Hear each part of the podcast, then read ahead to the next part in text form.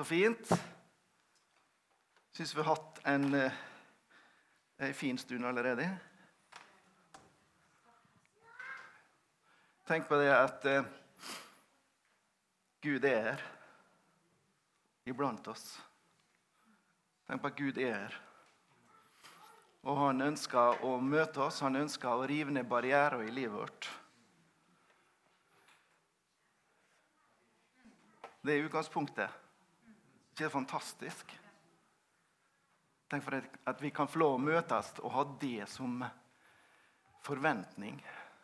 Ha det som en tanke og en tru i livet vårt. At faktisk så, så er vi her med den levende Gud. Og det er egentlig helt ubegrensa hva han kan gjøre i våre liv. Og eh, i dag så har jeg lyst å snakke litt om hvordan vi kan forløse mer av Guds kraft i våre liv. Høres ikke det litt spennende ut? For det, det ønsker vi, ikke sant? Vi ønsker på en måte at Gud skal få lov å forløse det som Han har for oss. Det som Han ser oss inn i, slik at vi kan få lov å leve i det. Slik at vi kan få lov å ta del av det, og at det kan bli en del av oss. Og Det har jeg lyst til å knytte noen tanker rundt i dag.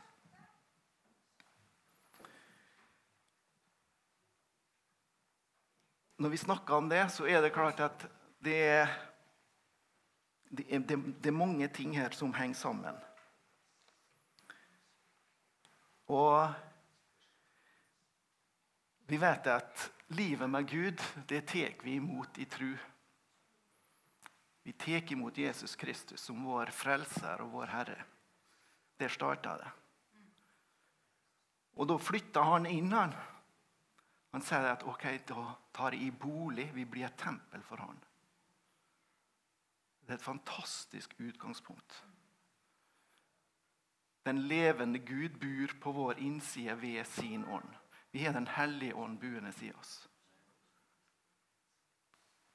Og så ser vi òg det, og leser om det i Guds ord, om vi erfarer det, at Den hellige ånd ønsker å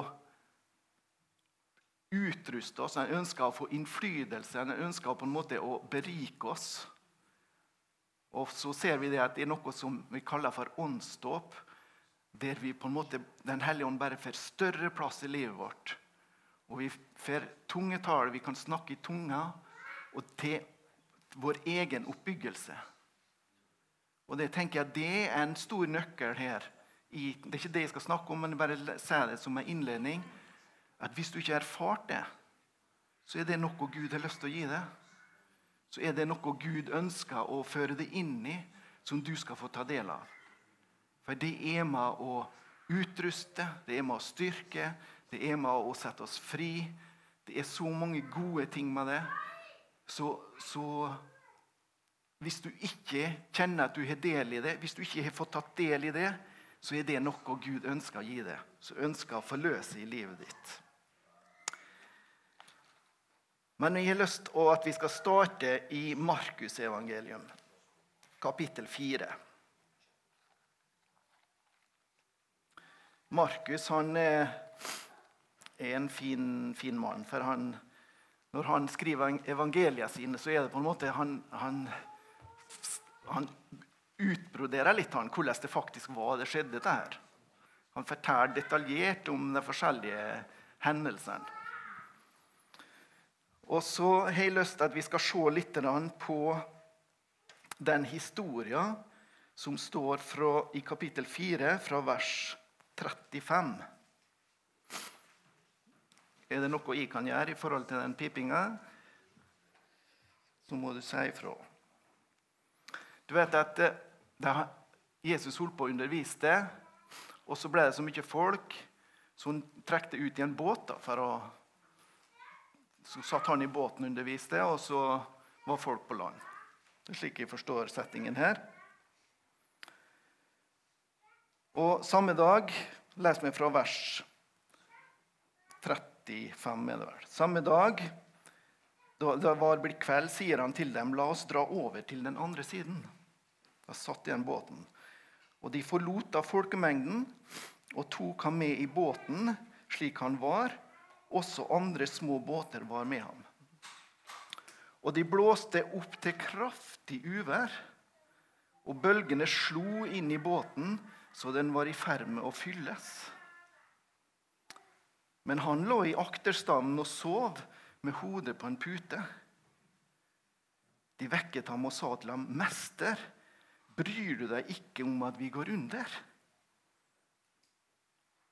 Da sto han opp, trua vinen og sa til sjøen, 'Hold fred, vær stille.'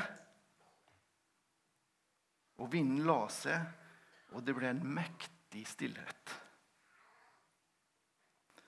Men så sier Jesus til deg, 'Hvorfor er du så redd? Hvorfor har du ikke tru?' Og de ble grepet av stor frykt og sa til hverandre, 'Hvem kan denne være, siden til og med vinden i sjøen adlyder ham?'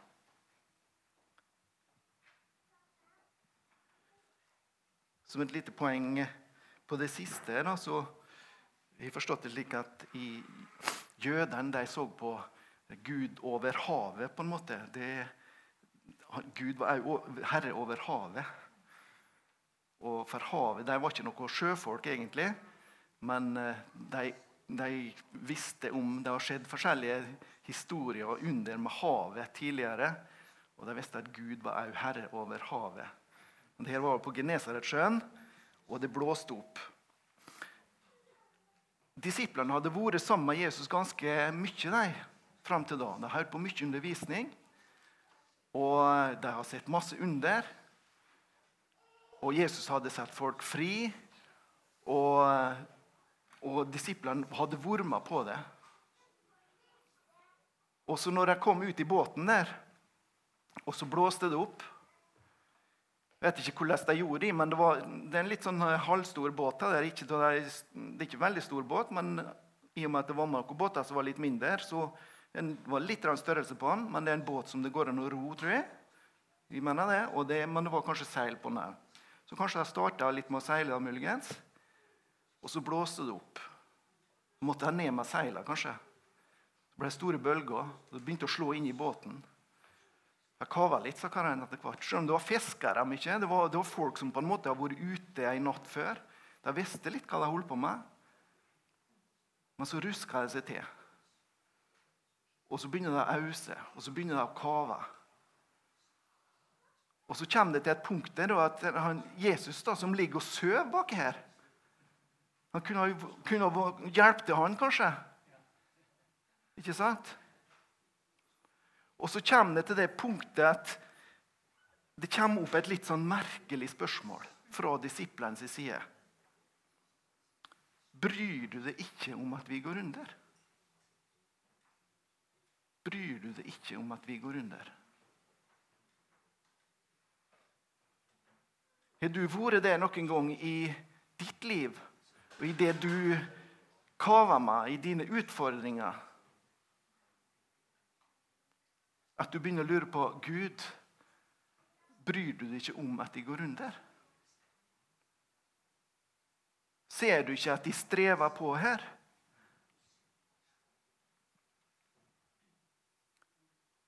Gud, ser du ikke hva jeg går gjennom? Jeg er sjuk, Gud. Jeg strever i ekteskapet mitt, Gud. Ser du det ikke? Hvor er du hen? Bryr du deg ikke?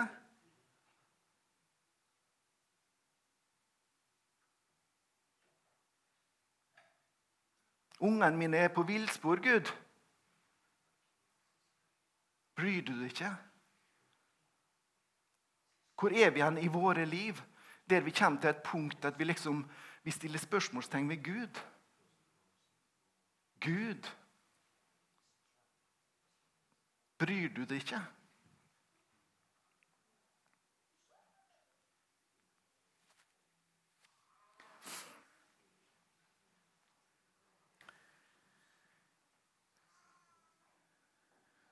Hva sier Jesus når han vekker han? Beklager han seg? Sier han det at 'Oi, unnskyld, jeg sovna, jeg. Det har vært litt strie dager nå.' 'Jeg måtte bare hvile litt.' Oi, oi, oi. Nei, det var litt dumt. Jeg skjønner at dette ble litt stress for dere, men jeg skal ordne opp i. Det skal gå bra, gutter. Bare slapp av. Vi skal, vi skal få til dette.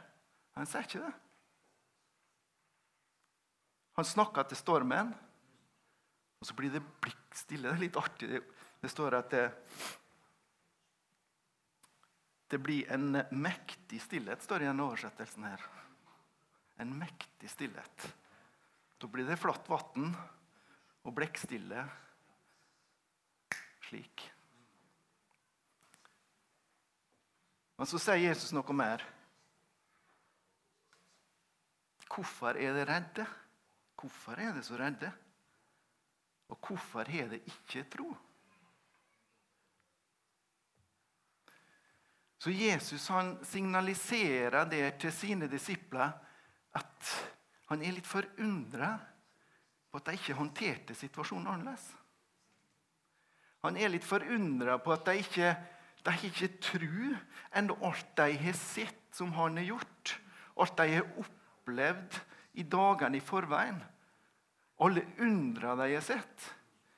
Og når Jesus sa at vi skal over på den andre sida, så, så greip de det ikke. De trodde det ikke. At de, de, ble så fokusert på alle bølgene. De ble så fokusert på vannet som kom inn i båten. De mistet hele perspektivet. Og så ble de redd. Men Jesus var faktisk der han, at han tenkte at er utrusta til å håndtere det her sjøl. Men de mangla tro. Eller hvis en beskriver det på en annen måte det var vantro som kom inn. De hadde tro og, og var med ikke sant, når Jesus underviste og helbreda, og alt var trygt og godt. Men så kommer de i en pressa situasjon der omstendigheten blir så alvorlig og så dramatisk for dem at de begynner å bli redd for livet sitt. Og da blir de fokusert på det, i stedet for å være fokusert på det som Jesus har sagt til deg. Vi skal over på den andre sida. De mistet fokuset, og så kom det vantro inn i hjertet deres i stedet for tro. I stedet for tro til Gud.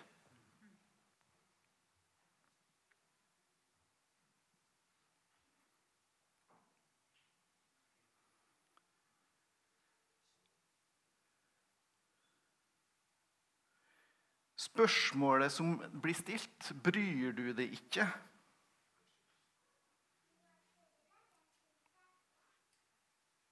Det setter et spørsmålstegn ved Gud. Det setter et spørsmålstegn ved Guds karakter. Ser du det? I stedet for å ha tru til Gud, så anklager vi Gud. Når vi kommer til det punktet at Bryr du deg ikke, Gud? Det blir omstendighetene våre som blir på en måte vår Gud, for å si det sånn. For vi setter omstendighetene våre over Guds ord.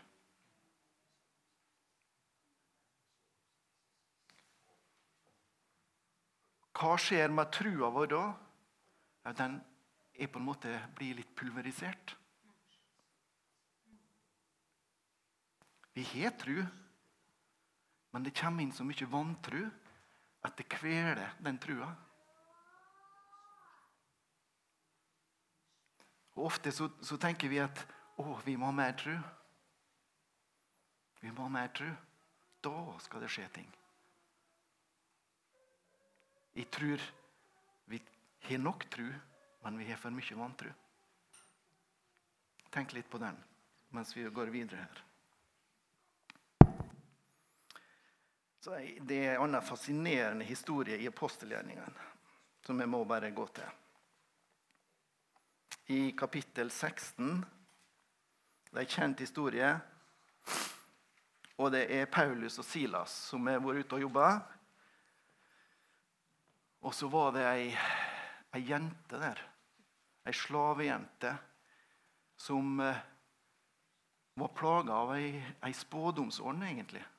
Så ble hun utnytta av folk som tjente penger fordi hun, hun spådde, og folk ville, var villige til å betale for at hun skulle spå dem. Så de som på en måte eide jenta, de tjente penger på dette. her. Så når jenta for og sprang etter Paulus og Silas og, og, og ropte at de kan de var, og på en måte så Paulus ble litt lei av det der, faktisk, holdt på i flere dager. Også. Og Så snakka Paulus og, og så jaga han ut den onde ånda og drev henne ut. Mens da ble det styr, for da skjønte de at da, da var det ikke noe inntektspotensial lenger i henne. Og så ble de som eh, var sjefen hennes, ble, ble irritert og dro dem fram for dommeren. Og vi vet hvor det endte. De ble kasta i fengsel. De, de slo dem med staver og piska dem. Tok av klærne og piska dem og kasta dem i fengsel. innerst i et mørkt fengsel. Jeg ser for meg sten, stenmurer, stenvegger. Litt rått, mørkt, kaldt. Egentlig litt sånn trasig situasjon. Så omstendigheten deres, det var litt stusslig, vil jeg si. Skal tro hva de prata om. Paulus og Silas når de ble festa i bjelken der føttene deres ble festa. Så jeg skulle være helt sikker på at jeg ikke greide å rømme. Tror du Silas kanskje spurte var det nødvendig ta Paulus? Ja? Å kaste ut noen ånda. Var det nødvendig, det, da? Bli så irritert på det der. Vi kunne ha sluppet det her nå hvis ikke du hadde gjort det. ikke sant? Var det virkelig nødvendig? Det var en nedliggende tanke da, at den slo ned i Silas. 'Hallo, Paulus. Hva har du gjort nå?' Det står ikke noe om at jeg hadde en slik samtale. Men det det står, det er at når det nærmer seg rundt midnattstid så begynte de å be og prise Gud i fengselet der. De valgte å, å reagere med takk og lovprisning til Gud i stedet for å se på omstendighetene sine og ta her var triste greier. og Hva skal vi gjøre nå? Og, og de anklager ikke Gud, slik som de gjorde i den andre historien. De, de, de kom ikke til Gud så bryr du deg ikke om oss. Bryr du deg ikke om at vi ligger her? Vi har blitt piska og slått. Vi har sår. Nei, det står i at de, de begynte å be og prise Gud. For Paulus og Silas de, de, visste det, og de skjønte det at omstendigheten vår her det, det er ikke så nøye. Men du, Gud, du er bare fantastisk god. Din godhet. De hadde sett så mye og erfart så mye med Gud at de var bare overbegeistra.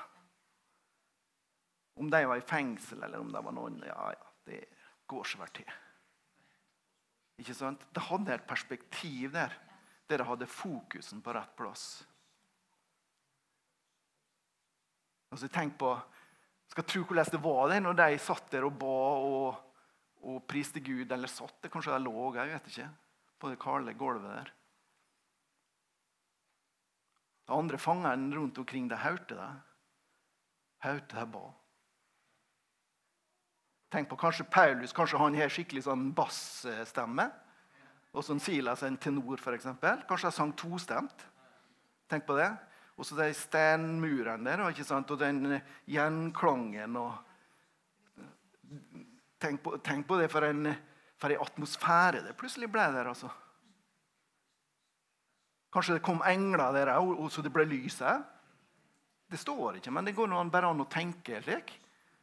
Hva var det som skjedde der? Hva var, hva var det som berørte disse andre fangene? Det kom et jordskjelv, iallfall, slik at lenken de datt av på alle sammen. Dørene åpna seg. Det kom et gudsnærvær der. Når de valgte å ta den løsningen, så kom det et gudsnærvær som skapte en løsning for dem. Som skapte en helt ny situasjon. Det skapte frihet for dem. Og Fangevokteren han, han, ble altså fortvilt når han ser at alle døende oppe. At han ville ta sitt liv sitt, for at han, han kommer til å bli drept uansett. Og fangene er rømt. Og så roper Paulus at nei, nei, nei, nei, ikke, gjør det noe vondt. Vi er alle sammen. Det var ikke fullt kaos. Alle fangene var der. Og fangevokteren kommer og hva skal jeg gjøre for å bli frelst?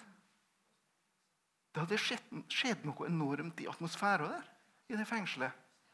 Fordi at de valgte som de gjorde. Ser du det? En helt annen situasjon.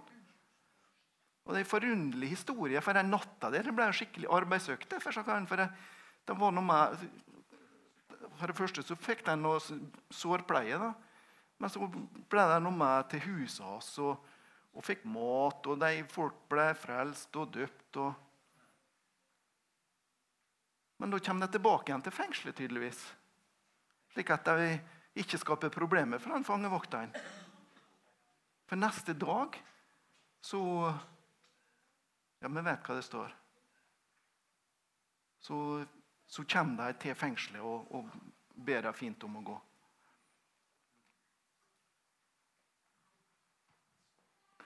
Hva er det i din situasjon, i din livssituasjon, det du egentlig er der at du Gud, hvor er du hen?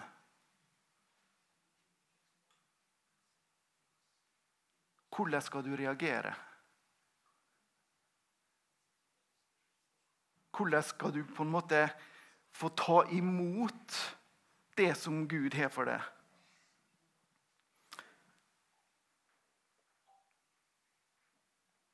Vi må se litt i andre Peters brev.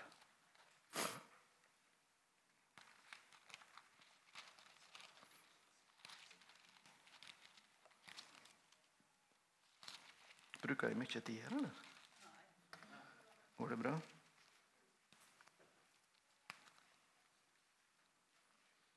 Andre Peters brev en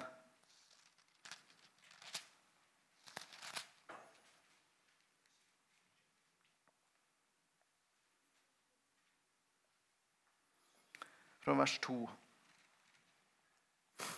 Nåde være med dere og fred i rikt mål i erkjennelsen av Gud og Jesus vår Herre, ettersom Hans guddommelige kraft har skjenket oss alt som tjener til liv og gudsfrykt, ved erkjennelsen av Ham, som kalte oss ved herlighet og guddomskraft. Ved dette er vi blitt skjenket de største og mest dyrebare løfter, for at dere gjennom dem skulle få del i guddommelig natur, etter å ha flyktet unna fordervelsen som tilhører lysten i denne verden. De mest dyrebare løfter. Hvordan skal vi på en måte forløse det i våre liv? Hvordan skal vi forløse det i livet våre? I det åndelige, i det åndelige livet vårt, så er det på en måte noe som noe lover der faktisk det betyr litt hvordan vi, hva vi tenker, hva vi gjør. Hvilke impulser tar vi imot? La oss gå litt videre.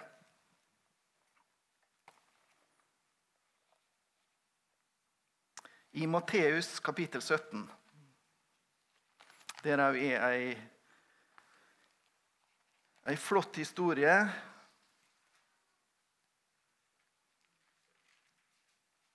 fra vers 14. Og da, da vi kommet litt lenger, da har historien gått en, stund etter denne båtturen vi snakka om i stad. De opplevd mye. Disiplene ble utrusta av Jesus til å få makt over demoner, bl.a. Og til å helbrede syke, og så ble jeg sendt ut. De har erfart masse ting. Og, og Jesus han tar med seg Peter og Johannes og, og en til. Så de for opp et fjell der og traff på Moses og Elia. og Det skjedde mye artig. Men så når de kommer ned fra det fjellet, så kommer de bort i en folkemengde der, og det er litt styr. Og Da viser det seg at det er en gutt der som, som strever. Og det, Vi går inn i historien på det, på det tidspunktet der, fra, i Matteus kapittel 17, fra vers 14.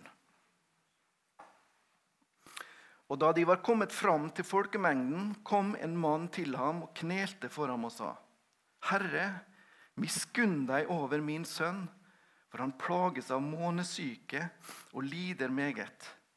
For han faller ofte i ilden og ofte i vannet. Derfor tok jeg ham med til disiplene dine, men de kunne ikke gjøre ham frisk. Da svarte Jesus og sa, du vantro og vrange slekt. Hvor lenge skal jeg være hos dere? Hvor lenge skal jeg holde ut med dere? Før ham hit til meg. Og Jesus truet den, og demonen kom ut av ham. Og barnet var frisk fra samme stund. Da kom disiplene til Jesus mens de var for seg selv, og sa, 'Hvorfor kunne ikke vi drive den ut? Vi stopper litt der.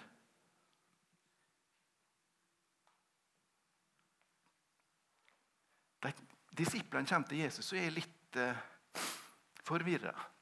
De er litt usikre. Hvorfor kunne ikke vi drive ut den her? De hadde tro på at ja, det for det har jeg sett mange ganger. Ikke sant? De har sett mange ganger at de hadde autoritet over demoner. De hadde autoritet over sykdom til å sette folk fri. Så de hadde tru, de. Men så kom de til et punkt der at Nei, det virka ikke. De greide det ikke. Og i og med at de stiller det spørsmålet, så viser det at de har tru. De har ikke så lite tru heller, for de har, de har faktisk tru tro at de har erfaringer på det. Så de, de forventa det. De forventa at det skulle bli i orden. Og så er de litt sånn spørrende til Jesus at hvorfor, hvorfor fungerer ikke det her? Og så går vi bare Markus han beskriver det her på en litt mer detaljert måte, som vi nevnte i stad. Markus er god slik.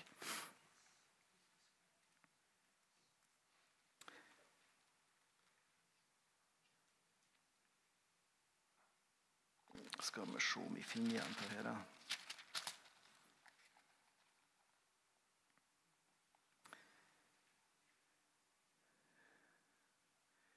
Da jeg bare går inn i Markus, hvordan han beskriver det når faren forteller at eh, Eh, 'Mester, jeg tok med min sønn til deg, han har en stum ånd.' Og hvor som helst den griper tak i ham, kaster han han ned. Han fråder om munnen, skjærer tenner og blir helt stiv. Derfor spurte jeg disiplene dine om de kunne drive den ut, men de klarte det ikke. Så han beskriver på en måte et, et, et, som et krampeanfall, der det på en måte blir litt dramatisk. Og Det står at, at av og til så blir han kasta i vannet. Den gutten han var skikkelig plaga. Blir kasta i på, flammen. hvis det var i, så, så, det er litt dramatisk. Og Jeg ser for meg det at disiplene, når de skulle be for den karen der, den gutten der, så, så skjedde det noe. Det ble litt dramatisk. Og det ser vi hvis vi leser om eh, eh, om Jesus òg. Det som skjedde når Jesus drev en ut. Da, Det det kanskje Markus det.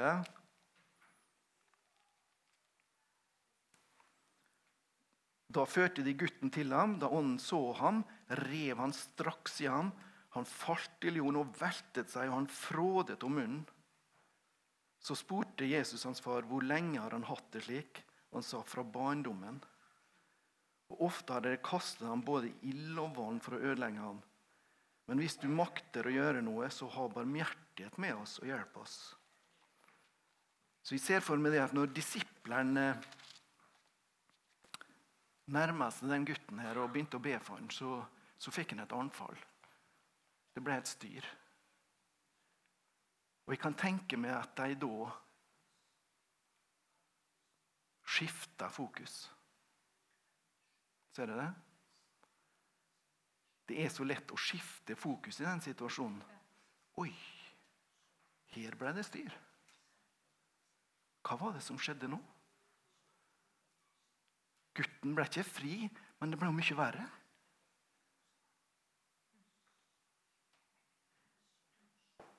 Vi har så lett å fokusere på omstendighetene, og det tror jeg skjedde her.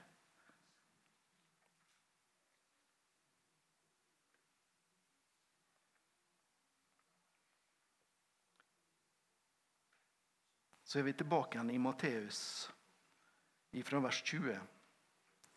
Hva svarer Jesus når disiplene spør hvorfor kunne ikke vi drive den ut? På grunn av deres vantro. For sannelig, jeg sier dere, hvis dere har tro som et sennepsfrø, kan dere si til dette fjellet, flytt deg herfra og dit, og det skal flytte seg, og ingenting skal være umulig for dere. Men dette slaget farer ikke ut uten ved bønn og faste. Det siste verset der så står det at det er den gamleste håndskriften. Ikke med det siste der. Men Jesus han han ser at de har tru. Så han sier ikke det samme som i, i første. på en måte, Nei, de har ikke tru. Og så henviser han til det om hvis det er tru som et sennepskorn. Og Sennepskorn er et bitte lite frø. Hvis du har tru som et sennepskorn, så kan du se til fjellet at du skal kaste i havet. Så kan du se til det fjellet som du har framfor deg i livet ditt, at du kan ha autoritet over det med ei bitte lita tru. Mens vantrua hadde kommet inn her og til kvelertak på den trua.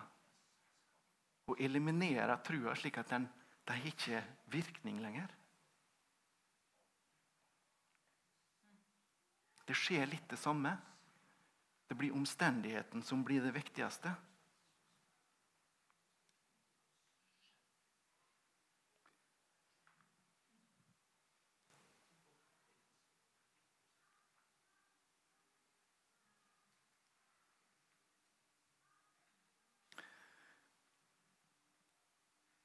Så kommer vi inn på det siste som står her.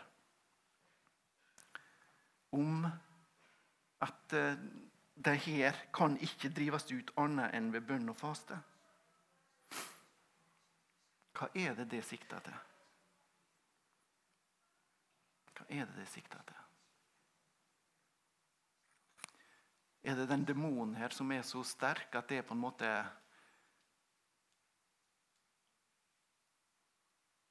ikke råd å drive den ut uten at vi tar skikkelig tak her? Eller eh, er fasten med på å legge sånn trykk trøkk på Gud at nå må du bare gjøre noe? Nå er vi en hel gjeng som faster her. Nei, det er ikke slik. Jesus er på vår side mot det onde. Jesus er på vår side mot det onde. Og seieren som Jesus vant, den vant over alle onde makter, over alle krefter, over all synd, over all sykdom.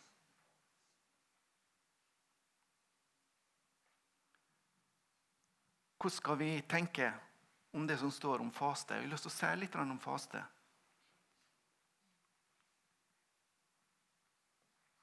For jeg tror at faste er det er noe som,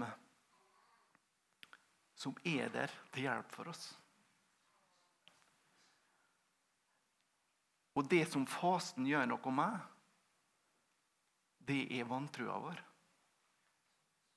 Ja, hvordan kan jeg si det? Fasten Vi tar en bestemmelse over en av våre sterkeste drivkrefter, nemlig å få i oss mat.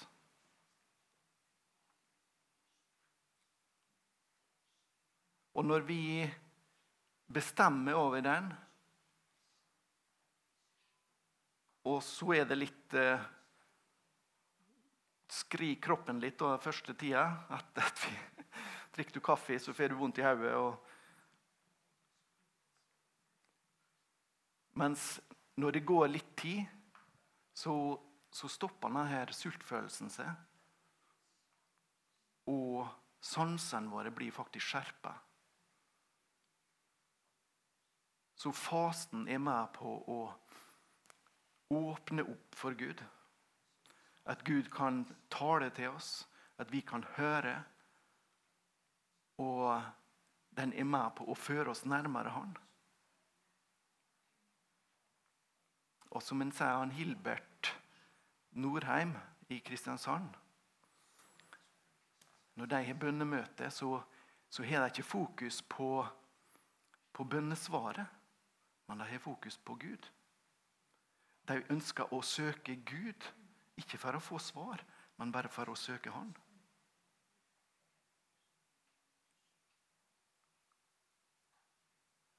Og det tenker jeg at det er noe av det som vi gjør når vi faster.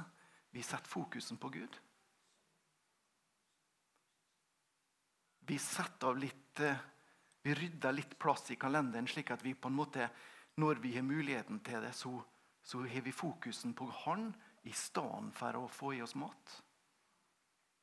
Og det er et ganske sterkt virkemiddel som virker inn til å åpne opp for vår ånd til å åpne opp i vår kommunikasjon med Gud. Og det er med å forløse ting i det åndelige, tror jeg. Ikke fordi at, som en premie fordi at vi faster, men fordi at fasten gjør noe med oss. Fasten gjør noe med oss, slik at vi blir mottagelige, vi blir åpne, og vi trer lettere inn i det som Gud har gitt oss. Inn i de løftene som han har gitt oss, inn i den autoriteten som han har gitt oss. Så, så er det med å åpne rom for det. Og på den måten så er fasten noe som, som Gud ønsker at vi skal leve i på en, på en naturlig måte. At ikke det skal være noe sånn sære greier som vi, som vi på en måte ikke greier å forholde oss til, eller at er bare i Gammeltestamentet. eller Det er noe der som på en måte er til det gode for oss.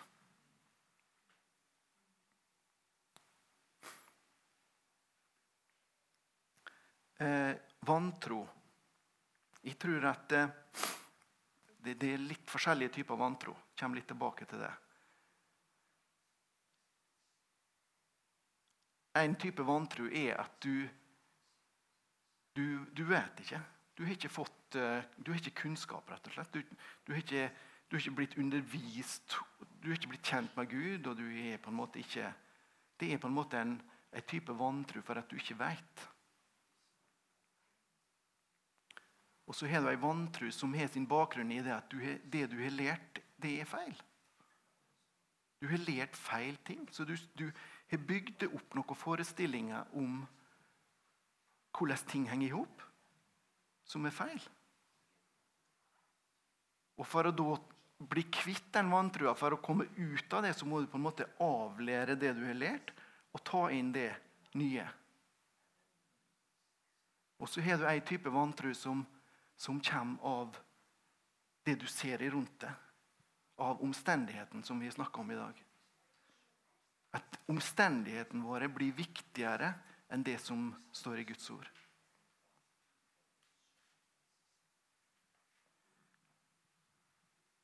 Så når vi skal forholde oss til det her, så tenker jeg at det er tre, tre punkt.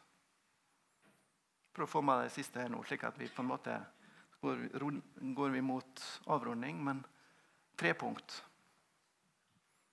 Hva er problemet? Identifiser problemet du står oppi.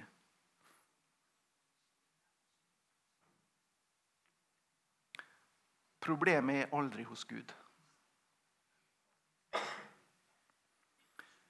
Problemet er aldri hos Gud. Å skylde på Gud på en måte, eller å vende seg til Gud at liksom Gud, hvorfor gjør ikke du noe? Gud har gitt deg alt. Gud har gitt alle løfter. Ja og amen. Det er opp til oss å ta imot og trø inn i det. Identifiser problemet.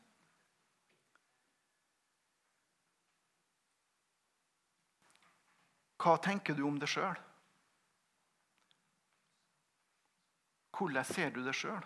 Hvis du ser inn i det sjøl, i ditt åndelige liv, hva ser du da? Hvordan ser du det sjøl?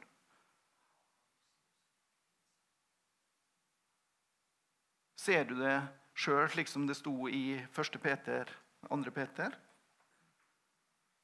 Ser du deg sjøl som et Guds barn som er oppreist, som er satt fri, som er gitt autoritet? Eller ser du deg sjøl som en en eh,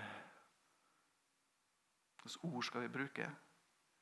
Du syns litt synd på deg sjøl. Det har ikke vært så greit for meg. Kanskje du, du, du, klager litt, som du sier, Johannes. Og, og, på en måte, Det er noe du ikke du, du, ser, ser ikke hvem du er i Gud. Du ser hvem du er i deg sjøl. Men du ser ikke hvem du er i Jesus Kristus og det han har gjort.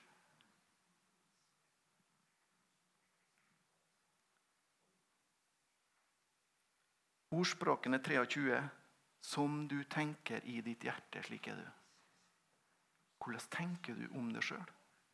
Det er faktisk ganske avgjørende betydning. Vi må tru ordet. Vi må tru ordet som Jesus sier om oss. Vi må ta imot det.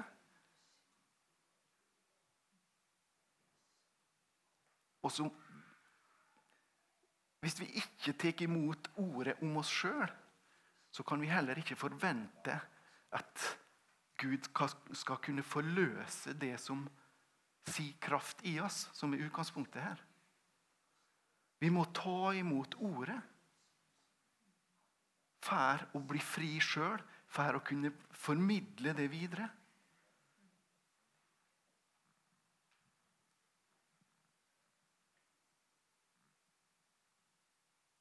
Punkt tre Velg hva du fokuserer på på utsida av deg sjøl.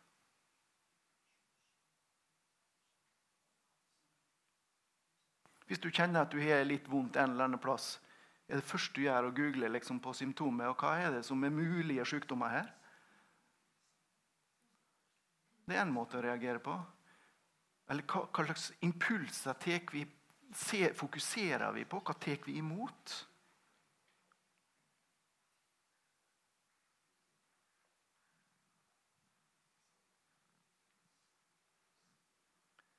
Det du ser på, det du fokuserer på, det får du.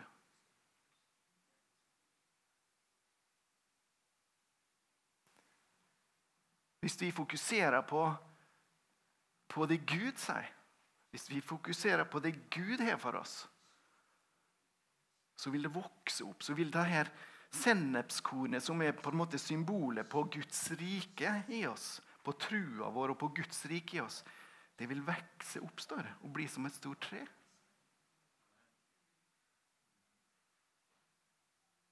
Da vil det på en måte være det som er hovedinntrykket, så vil det som på en måte vil spre seg når vi i livet vårt.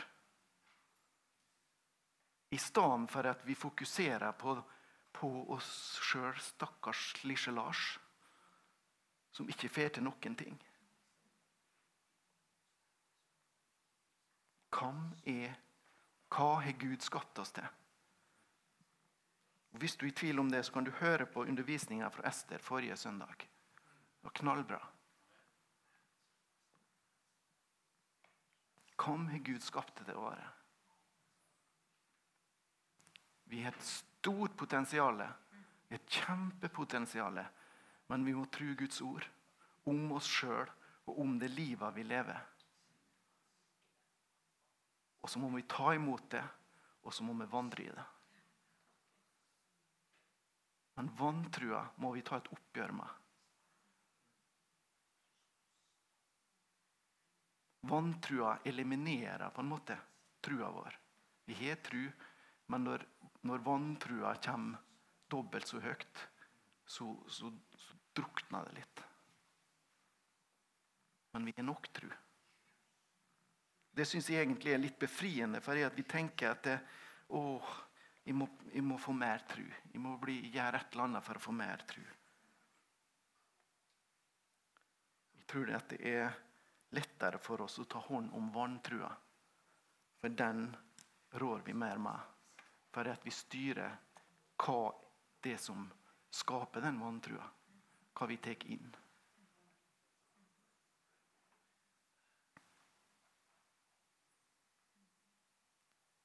Skal vi be litt. Jesus. Takk, Jesus. Takk, Jesus. Mm. Halleluja. Takk, Jesus.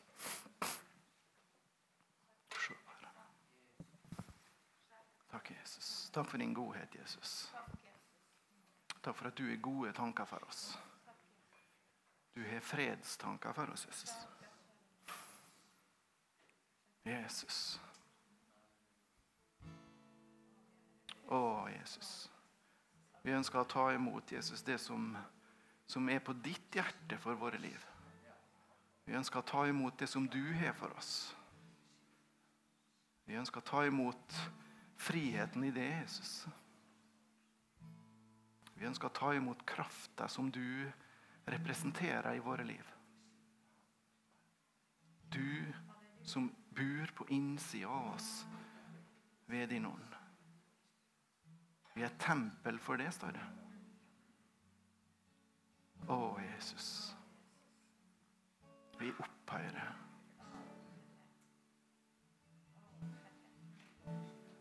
Vi ønsker å ta et oppgjør med med feilfokus og vantro i livet vårt. Som er med å forhindre oss i å ta imot ifra det. Som er med å blende for, for ditt verk rundt oss.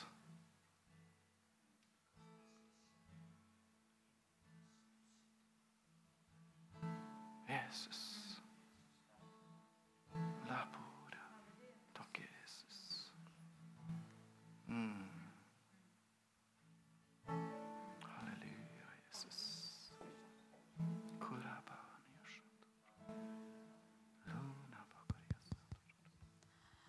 Takk, Jesus, at du svarte faren som sa 'Jeg tror, hjelp min vantro'.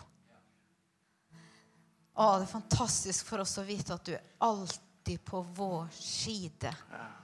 Du er alltid på vår side. Du står ikke med armene i kryss og venter prestasjon av oss.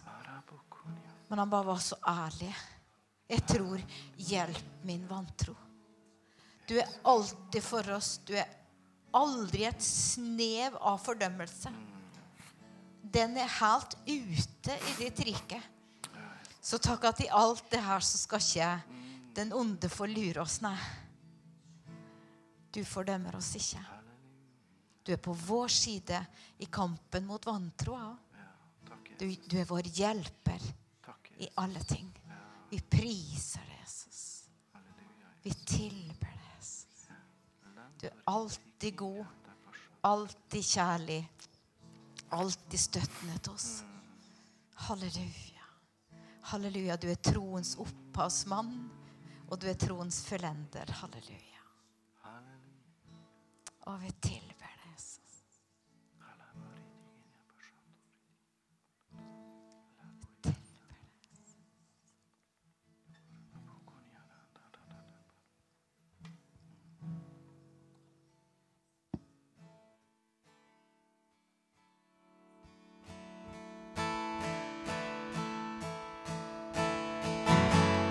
Du mitt vern og skjold, alltid faste og du omslutter meg.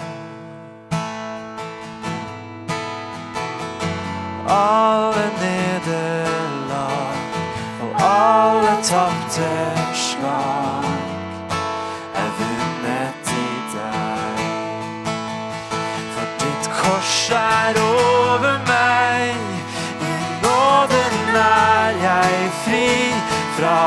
som minner meg. Din seier ga meg liv. Ditt kors har merket meg med evig kjærlighet. All min styrke er i deg.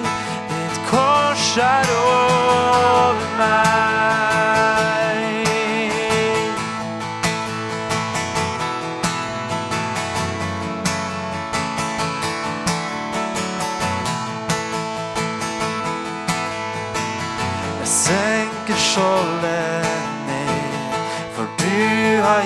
gitt i fred. Du kjempet min strid. Og frykten må gi tapt, for deg er gitt all makt